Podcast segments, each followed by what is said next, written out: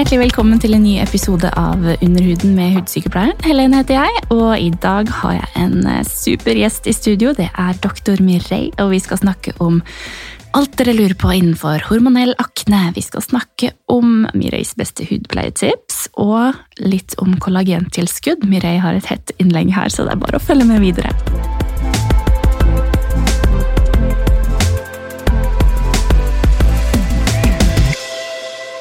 Velkommen, Mireille. Til en ny, ny episode. Eh, I dag skal vi snakke om eh, Altså, vi har en mer sånn Ask the Doctor-episode. Vi har fått inn masse spørsmål, og vi skal ta opp forskjellige temaer. Og gjengangeren er akne. Så vi må faktisk snakke en del om akne i dag. Er det all right, eller? Ja, ja. Ja, så bra. Det er, som mange lurer på, er jo på en måte dette her med hormonell akne. Hvordan dealer man best med det? Altså som, eh, som lege kan jo du svare på, ikke sant? og som sykepleier kan jeg svare. Jeg vet at du har jo eh, sterkere guns in your Ja, enn det jeg har. Eh, hvordan behandler du akne som, eh, som er ganske alvorlig, da? ja. Ehm, det er jo ulike måter å dele kviser på. Mm. Du har eh, tenåringskviser, og så har du eh, voksenakne, eller adult acne. Ja.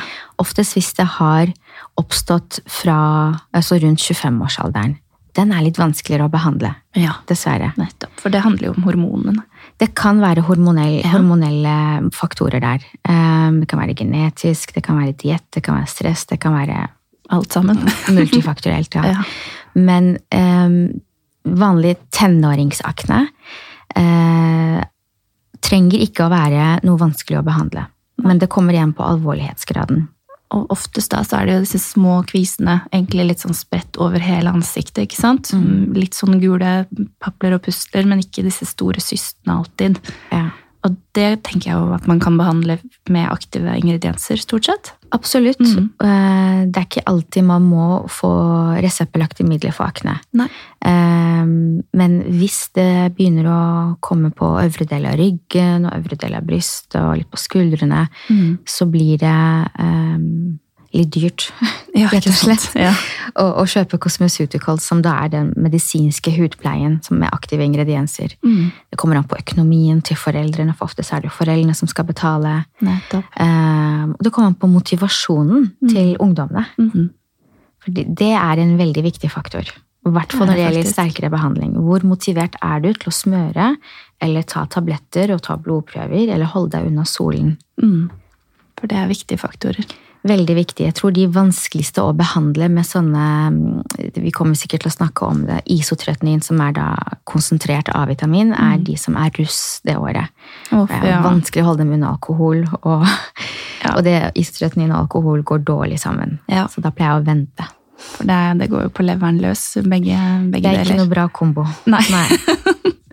Ikke sant. Men litt sånn gangen i det, da. Ofte så har man kanskje vært hos eh, Hvis man er liksom 27-28 år, da, og har fått akne for et par år siden og er drittlei og har prøvd det meste de har funnet på apotek, kanskje noe dyrt fra Kix.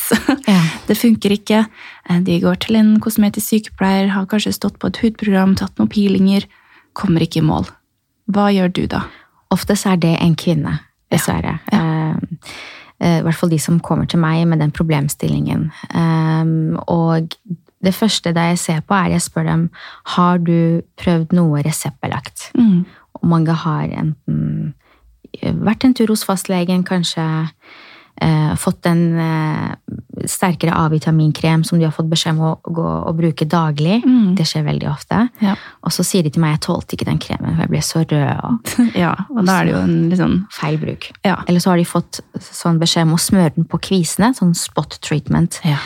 Så sier jeg, men en dag får du en kvise på panna, en annen dag får du på kinnet. Mm. Det blir jo umulig sånn. Mm. Det blir sånn kappløp. Det blir sånn whack-a-mole Ja. på sånn tivoli. Så um, ofte er det uh, ikke helt uh, optimal bruk av aktive ingredienser, reseptbelagte. Så som jeg sa uh, i forrige podkast, så uh, det er ikke noe kritikk av noen andre leger, men fastleger kan jo dessverre ikke være eksperter på alt. Man, man, har ofte veldig høye krav til fastlegene. Mm. Kunnskap og effektivitet osv. Jeg har selv vært fastlege i et par år, og jeg vet hvor tøft det var, og arbeidsbyrden. Så det er ikke noe kritikk, men det er derfor vi har ulike felt. Kosmetiske sykepleier, hudleger mm. osv. For at uh, de som har tid til å kun ta seg av denne problemstillingen, gjør mm. det. Man blir jo spesialist på det man driver med. Absolutt. Og jeg tenker også at i denne poden så kommer vi til å nevne litt legemidler. Eh, mm. og det er på en måte ikke i reklame. Det er mer sånn eh. Mm. Absolutt. Og det, det, tenker jeg at det kan være fint eh, mm. for folk å vite litt om. For det, mange kommer til oss og har aldri hørt om noen verdens ting. Ja. Og vet ikke hva som finnes. Ja. Hvis man kommer litt mer forberedt kanskje til en legetime og har litt kunnskap, så står man bedre rusta til å få den hjelpen man trenger. Mm. Mm.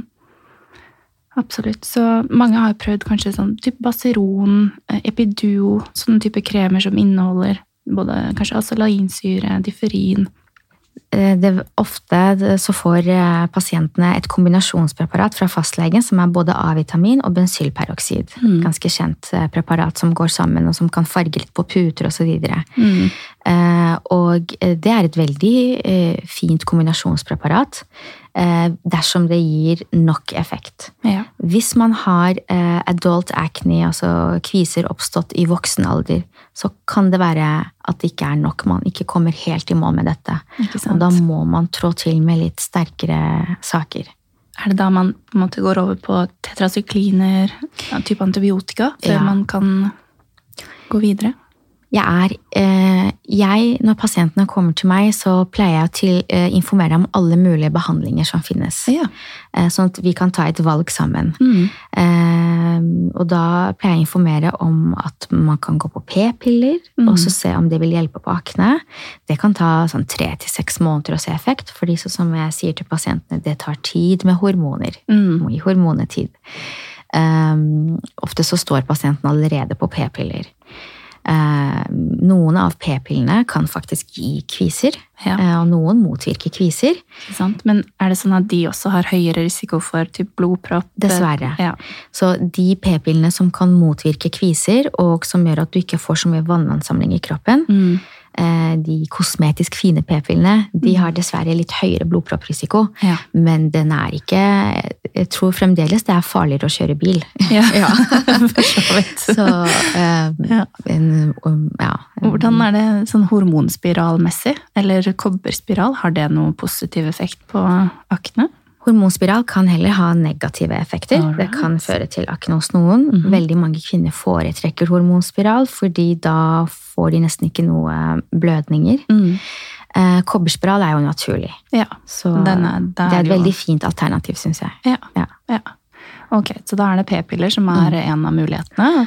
Og eh, p-piller er også en, eh, en nødvendig eh, altså Når man må gå på p-piller dersom man velger å gå på det sterkeste i anførselstegn, de, de, som hører, ser jo ikke det. Eh, hvis man velger å gå på det sterkeste vi har mot akne, som er isotretinin, så må man gå på p-piller eller ha spiral. Ja.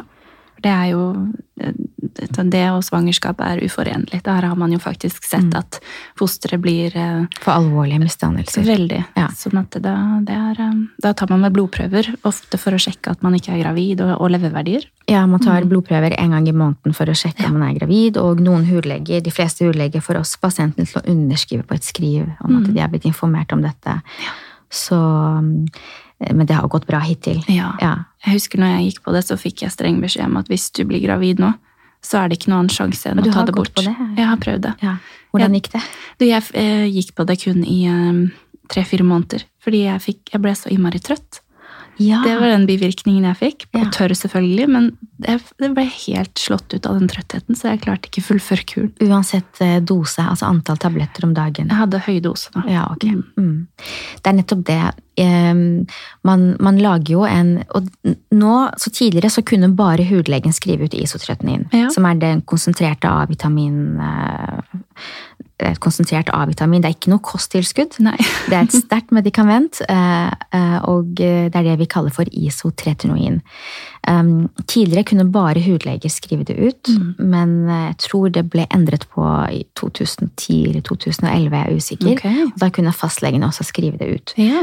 Ulempen er at de, mange av dem, Mm. ikke, selvfølgelig ikke alle, men mange som, av de pasientene som har kommet, kommet til meg og fått isotretning fra fastlegen, så har ikke vært, det har ikke vært dosert riktig, det har ikke vært noen plan, de har bare fått beskjed om å ta to om dagen. Ja. Og ta blodprøver. Vi må jo lage en plan ut ifra vekten din. Mm. Og som jeg pleier å si til pasientene, så la oss si du veier ca. 55 kilo, det blir ca. 350 kapsler. Mm. Hvor lang tid vi bruker på å nå 350 kapsler, om det er seks måneder eller åtte måneder, Mm. Det trenger ikke å ha så mye å si, bare vi når den totaldosen for vekten din. Nettopp. Så hvis man begynner forsiktig, og trapper opp forsiktig uten at man får så ubehagelige bivirkninger, så pleier det å gå fint. Ikke sant? Mange av de bivirkningene du beskriver, er doserelatert. Ja. Så jo flere tabletter om dagen, jo mer eh, tørr blir du på leppene, øynene, huden. Mm. Du kan få reaktivering av eksem fra barndommen osv. ja, det er en ganske sånn heftig, heftig greie. Ja, Det det krever mye smøring, mye tålmodighet. Ikke sant? Ja. Ja, og man eh, forandrer jo egentlig litt hudtypen sin eh, underveis også, sånn at man sitter igjen med en mye tørrere hud. Det det er jo poenget også, ikke sant? Å tørke ut oljen. Eh, det er jo det A-vitaminen gjør.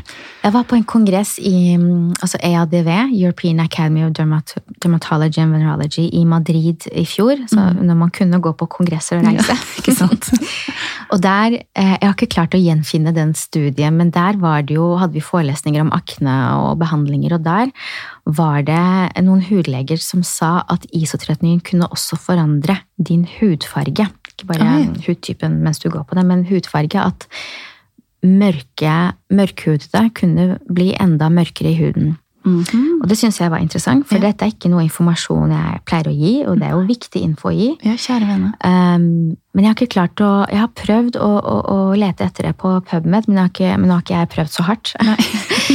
og har ikke klart å finne det helt. Eh, så um, selv om preparatet har vært brukt i flere tiår, Mm. Før så het det vel Roacutan. ja, og da var det kjempedyrt, men så mistet de jo patentet, som alle legemidler gjør, Mm. så er det litt billigere nå. Og da, hvis man får det fra en hudlege, så kan, og det er indikasjon for det, Mm. så kan hudlegen søke om at du får den på blå resept. Ja, Mm. nettopp. Og da koster den jo enda mindre. Da ligger det vel på rundt 1500 for å få ut tablettene, tror jeg. Ish. Eh, Jeg tror, jeg tror de koster rundt 300 per Ja. pakke. Ja, sånn var det. per, per 30 stykk, Ja. men for noen er det bare eh, det de tar eh, på 10 dager eller 14 dager. Mm. Ja. Ja. Greit å vite om, vet du. Men Roacutan var ganske dyrt, det opprinnelige preparatet som ikke vi har i Norge lenger, da. Mm. Nettopp, nettopp. Ja, men så bra. Det, mm, jeg vet jo om folk som også har brukt isotretinoin både én og to og faktisk tre omganger, og ikke kommer i mål. Fortsatt har disse kvisene som kommer med og skaper arr og er cystiske. Uff, hva skal man gjøre da? Ja. mm, Jeg har hatt noen av de pasientene. Mm. Eh, ofte så er det da adult acne det er snakk om. Ja. Eh, og først, det første jeg gjør, er å se om de har gått på riktig dose i forhold til vekten sin. ja. Og jeg gir også alltid vedlikeholdsbehandling etter endt isotretningur med et reseptbelagt A-vitaminpreparat, altså en krem med A-vitamin som er reseptbelagt, som de bruker to ganger i uken. Ja. Sånn vedlikeholdsbehandling. Mm. Jeg ser på Det er jo ikke noe skikkelig retningslinjer på doseringen av isotretningen. Det står heller ikke sånn skikkelig i felleskatalogen. I tillegg til vekten og totaldosen der. eh, Dette her har jeg lært eh, når jeg jobbet på det lille, den lille hudavdelingen på Vestlandet. Ja. Eh, og der var han eh, overlegen på avdelingen han var eh, opptatt av at de heller ikke skal ha hatt noen nye kviser på hvert fall en måneds tid, noen nye store kviser, før man avslutta kuren. Så det er flere momenter man må se på. Som jeg sier til pasientene, jeg kan ikke gi deg en resept og så ønske deg lykke til videre. Du må komme på kontroller. Det tror jeg er veldig lurt. For Ja. det er eh, det å følge opp. Det Ja. skaper trygghet. Selv om det er kjedelig og blodprøver og oppfølging, men, men sånn er det. Mm. Ja. Um, så jeg ser jo først på om det er gjort riktig. Mm. Uh, deretter så leter jeg om det kan være noe hormonell komponent. Har de Mm. uh, polycystiske ovarier? At du har noen sånn syster i eggstokkene dine som gjør at du produserer litt feil forhold av ulike hormoner. Man får mer androgene. Ja, du får- spiker litt. Ja, at du får mer eh, mannlige kjønnshormoner. Og vi Ja. vet at talgskjertene, altså det, de oljeproduserende eh, fabrikkene i huden, er avhengig av mannlige kjønnshormoner. Ja. Og det er jo ikke mitt felt å sjekke for det. Da henviser jeg dem til en gynekolog Mm. som tar en titt på det. Jeg tar selvfølgelig også blodprøver. Det er tull å ta blodprøver når de går på p-piller og sjekker hormoner. Ok, Ja, ja. det får jeg ikke noe ordentlig svar, Nei. for de går på p-piller. Eh, Og det er også bare tull å sjekke for hormonelle verdier når jeg ikke vet hvor de er i syklus. Mm. Fordi vi er jo ikke en rett strek, vi kvinner. Vi går opp og ned sånn hormonelt. og da må jeg vite hvor de er i syklus for å se om det er eh, normale hormonnivåer. Mm. Og noen ganger så finner vi at alt er normalt. øh, og Det kan likevel være en hormonell komponent av at de oljeproduserende fabrikkene i huden bare er mer følsomme for normale mengder mannlige kjønnshormoner. Ja, Det ser vi ofte med kvinner som har økt hårvekst. ikke sant? Ja, ja. Og vi ikke finner noe grunn til at de skal ha økt hårvekst, men likevel så har de det. Mhm. Og da enten kaller vi det da for idiopatisk hirsutisme, det vil si og det er gresk, bokstavelig. Ja. Det vil si at vi vet ikke hvorfor de har økt hårvekst, Nei. eller at vi antar at eh, de eh, hårproduserende fabrikkene i huden bare er veldig følsomme for normale mengder mannlige kjønnshormoner. Ikke sant. Hormoner har mye å si, altså. Ja, så Virkelig. Eh, jeg eh, har eh, flere ganger behandlet pasientene mine med sånn antimannlig kjønnshormon Mhm. når de har adult acne og man ikke kommer i mål med verken antibiotika, som jeg egentlig ikke er så veldig glad i å gi, men Nei. som er et viktig eh, trinn i behandlingen, Mm. eller isotretinin, pluss selvfølgelig alltid A-vitaminpreparater på huden. Ja. Ja. Ehm, Både reseptbelagt og, og cosmeceuticals. absolutt. Salicylsyre er veldig viktig. Ja. Ja. ja. Det er liksom alfa og omega Ja. eh, til de fleste aknepasienter. Ja. Mm. Og den fra Paula's Choice er så bra. Ja, 2% BHA liquid. all right. Ja. Ja. Tips fra hudlegen. ja, så bra. Ja, jeg har, um, har mange forskjellige kremer jeg liker med BHA-syre, da, som salicylsyre er. Ja. Ja. men så bra. Jeg har også sett du bruke eh, litt av den der CE ferulic acid-serumet. Det er Ja. liksom, se på, på Instagrammen din på Dr. Mireille. Ja. Du trekker fram eh, både solkremer og serumer du liker, så det er Ja.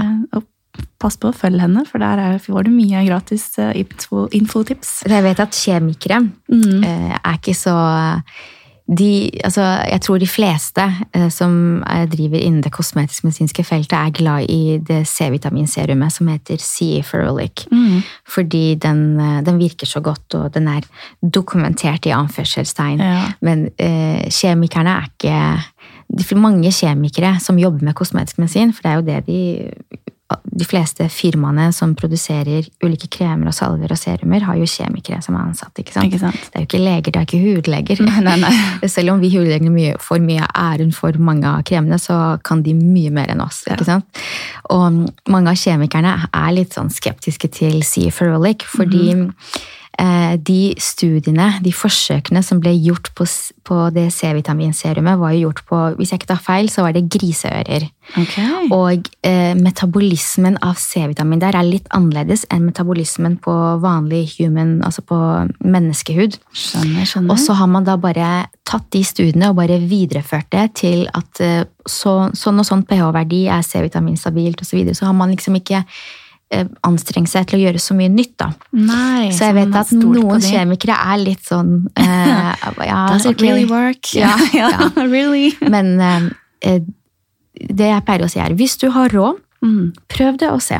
Ja. Jeg personlig pleier å anbefale C. Ferulic for uh, vanlig anti-aging, stimulere kollagenet, Mm. UV, UV, beskytte mot UV-skader, um, jevne ut hudfargen, men jeg bruker den ikke selv. Nei. Jeg føler den blir så klissete. Oh, ja, Og all sminke, og jeg, må, jeg liker å gå med sminke, det er, Ja, ja, og i hvert fall foundation, sånn lett foundation, og jeg føler at den blir litt sånn klissete. Skjønner. Jeg har også hørt at den lukter litt sånn ikke bra. Ja, men egentlig ingen av kremene våre lukter godt. Nei, det det. Det er jo ikke parfyme Ja. stort sett. Og I hvert fall ikke A-vitaminkremene. De lukter veldig rart. Men jeg har lært meg å like sånn uh, Ja, retinollukt. Ja. Synes, Ok, det her virker. Ja. Rart med Um, det. Du, apropos, vi kom jo litt inn på det her med kollagensyntese. Ja. Um, du gikk jo ut på Instagram i dag og um, gikk litt hardt ut mot kronikken til en eh, person som hadde skrevet om hvorfor kollagentilskudd ikke virker. Ja. Vi er jo litt vant til her i Norge til å sluke litt rått det som står i VG og Dagbladet, og det har jo vært en liten sånn trend i det siste, som jeg selv også har vært litt på, om at kollagentilskudd er en bløff. Men det fins jo også studier som dokumenterer det motsatte. Ja. Og du er jo glad i vitenskap og dokumenterer, holdt jeg på å si, din info du deler, har Mm. du ofte lest et sted. Hva, hvordan stiller du deg til dette? Um, jeg vet at det har vært uh, en god del personer i dette fagfeltet som har gått uh, offentlig ut mot kollagentilskudd. Mm. Og jeg er enig at man skal være skeptisk. Mm. Eh, men jeg syns en del av kritikken har vært uberettiga. Fordi det har vært gjort eh, mange studier, eh, dobbeltblindede, randomiserte. Det vil si at eh, eh, man har valgt testpersoner helt tilfeldig, Mm. og tilfeldig fordelt dem i to grupper. De som får kollagen, de som ikke får kollagen. Og testpersonene visste ikke om de fikk kollagen eller bare tullepreparat. Og de som ga dem preparatet, visste heller ikke om de fikk kollagen eller tullepreparat. Så vi har tatt vekk for sånne det vi kaller for bias. Ja. At uh, det kan påvirke at ok, jeg vet at du kommer til å få effekt, og så får man litt placebo, eller det omvendte av placebo. At man Så det er de beste studiene, de som er, Det er gode randomiserte, studier. Eh, Men Men det som er jo selvfølgelig at de er jo blitt eh, betalt av de som f.eks. lager dette kollagentilskuddet. Ja. Og det har fått disse eh, studiene til å at man ikke tror på dem. Mm. Um, jeg syns man skal være forsiktig med å diskreditere gode kollegers arbeid. Mm. Dette har jo vært eh, eh, leger og, og, og um, matematikere som har vært med på disse studiene. De har vært gjort innenfor gjeldende retningslinjer, og det har vært flere studier som viser en potensiell effekt eh, med eh, objektive målemetoder. Så man skal være forsiktig med å diskreditere andre kollegers arbeid kun fordi det er blitt betalt av det firmaet som produserer eh, eh, supplementet.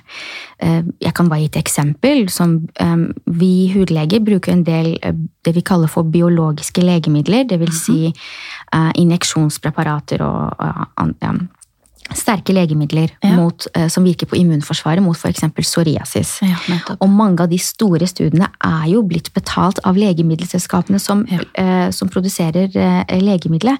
Det betyr ikke at man da diskrediterer det. Nei, man Eh, kan jo ikke finne noe man ikke, som ikke ligger der, på en måte. Ja. Av, eh, Absolutt. Ja. Eh, og de har alltid eh, ført opp i en egen disclaimer, men at eh, eh, lege, eller de som produserte supplementet, ikke hadde noe med resultatet å gjøre. Så man skal være forsiktig og eh, eh, høflig i måten man eh, kritiserer andre kollegers arbeid. mm.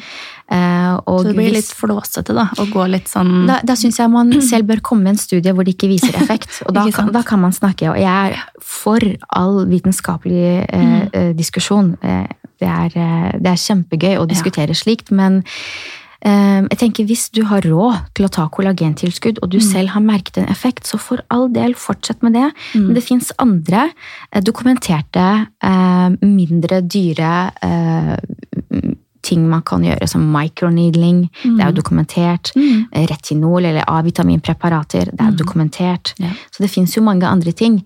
Men jeg syns jo det er morsomt, Helene, Mm. at oftest de som eh, protesterer høyt mot eh, skjønnhets- eller foryngende hudbehandlinger vi kvinner velger å gjøre, er litt sånn gretne middelaldrende menn. Har du ikke lagt Mm. Det er merke til det? De vil jo gjerne eh, bestemme og ha noe å si om hva vi kvinner velger å gjøre. Mm. Sånn har det alltid vært. Um, Det er, jo, det er jo det, og sånn er det ikke bare med kosmetikk. Det er jo, man så jo bare i USA for et års tid siden hvor hvem som satt i på en måte og bestemte hvem som skulle få lov til å ta abort og ikke. Ja. Eh, Det var jo en gjeng med 60-70 år gamle menn. Ja. Og det sier jo litt om hvor kanskje ikke så langt vi har kommet, selv om vi er i 2020, med tanke på Mm. bestemmelsesrett over eh, seg selv.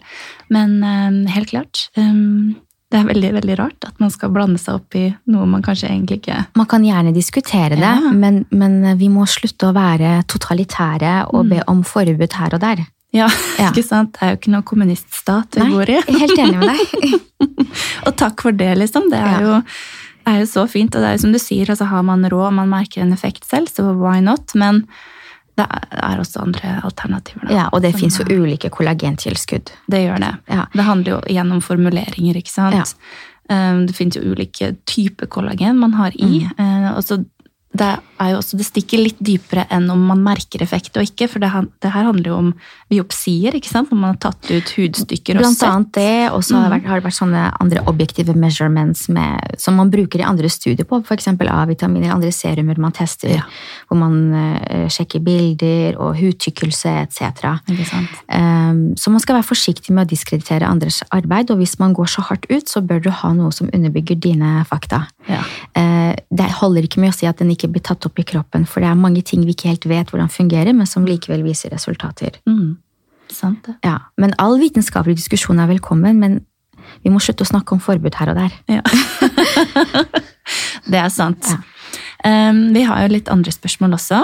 Uh, her er det snakk om uh, uh, forskjellen på på en måte peroral dermatitt og akne. Jeg syns ofte jeg ser peroral dermatitt som en slags utslett rundt munnen, nese, ikke sant? som egentlig er ganske likt som akne noen ganger. Hvordan vet man hva som er hva?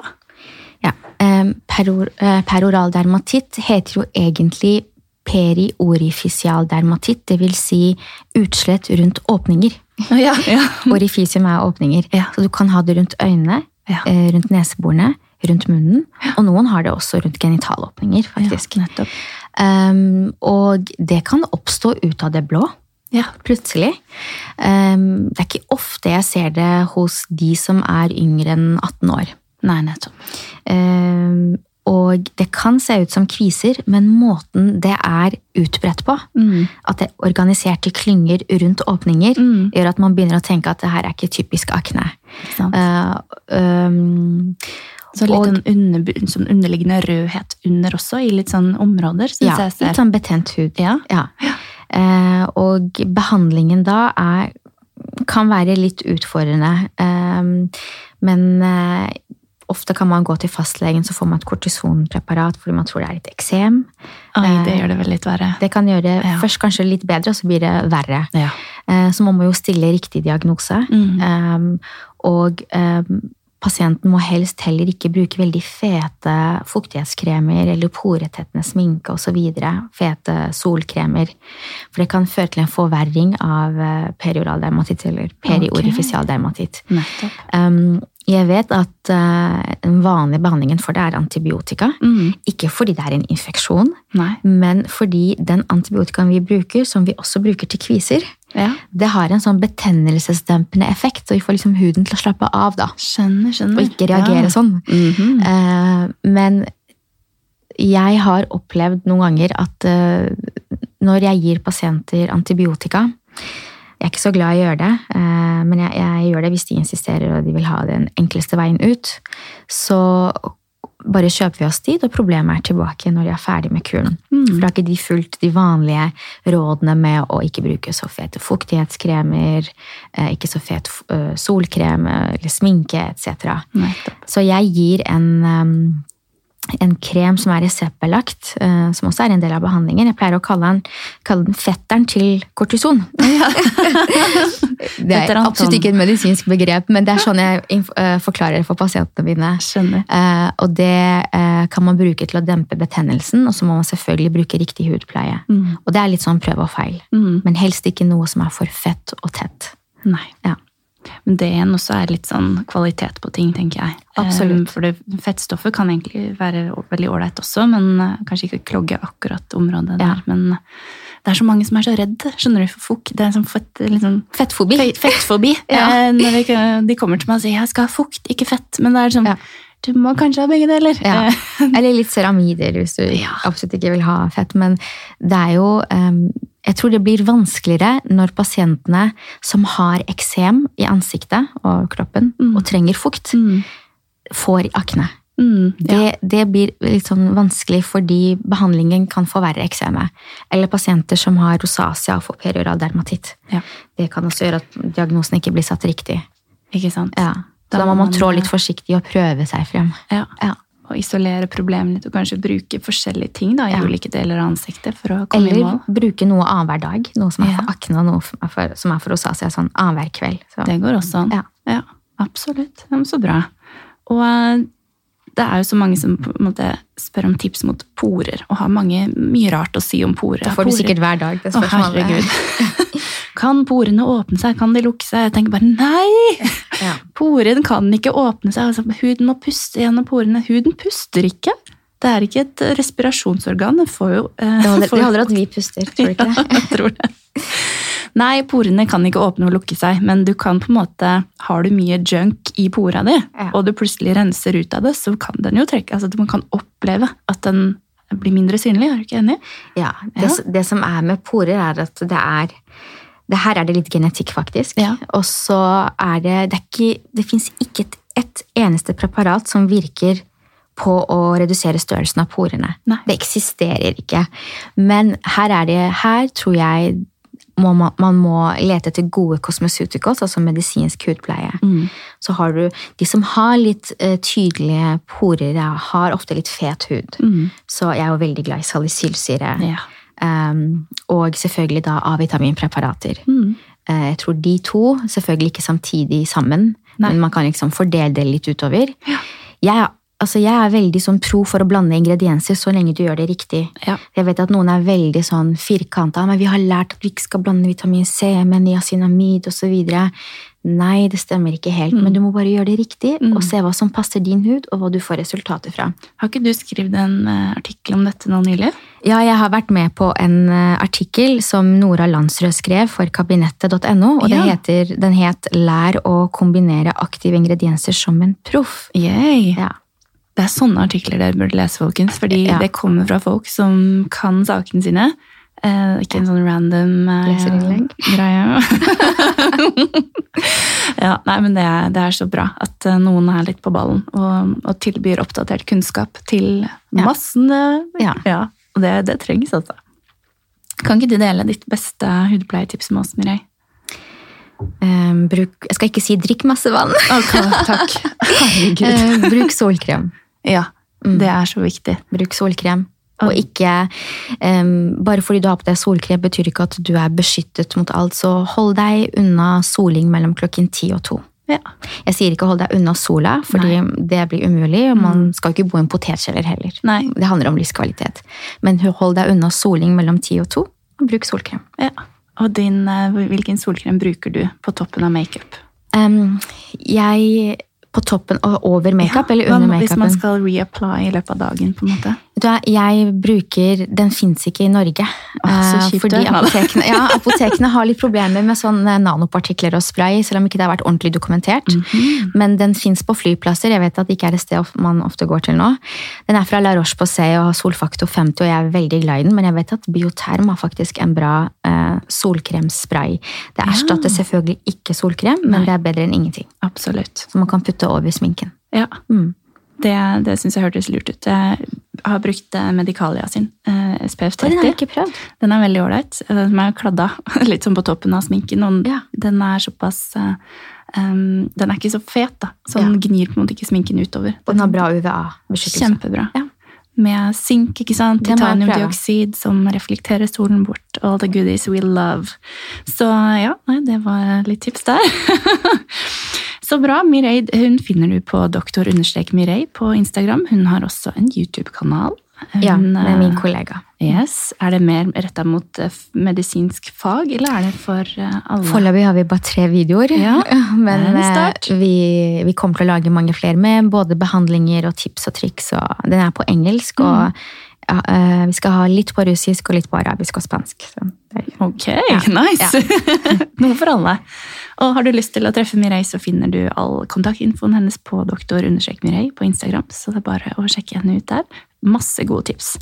Så da runder vi av denne episoden. Tusen hjertelig takk for at du kunne komme, Mireille. Takk for invite. Bare hyggelig. Ha det!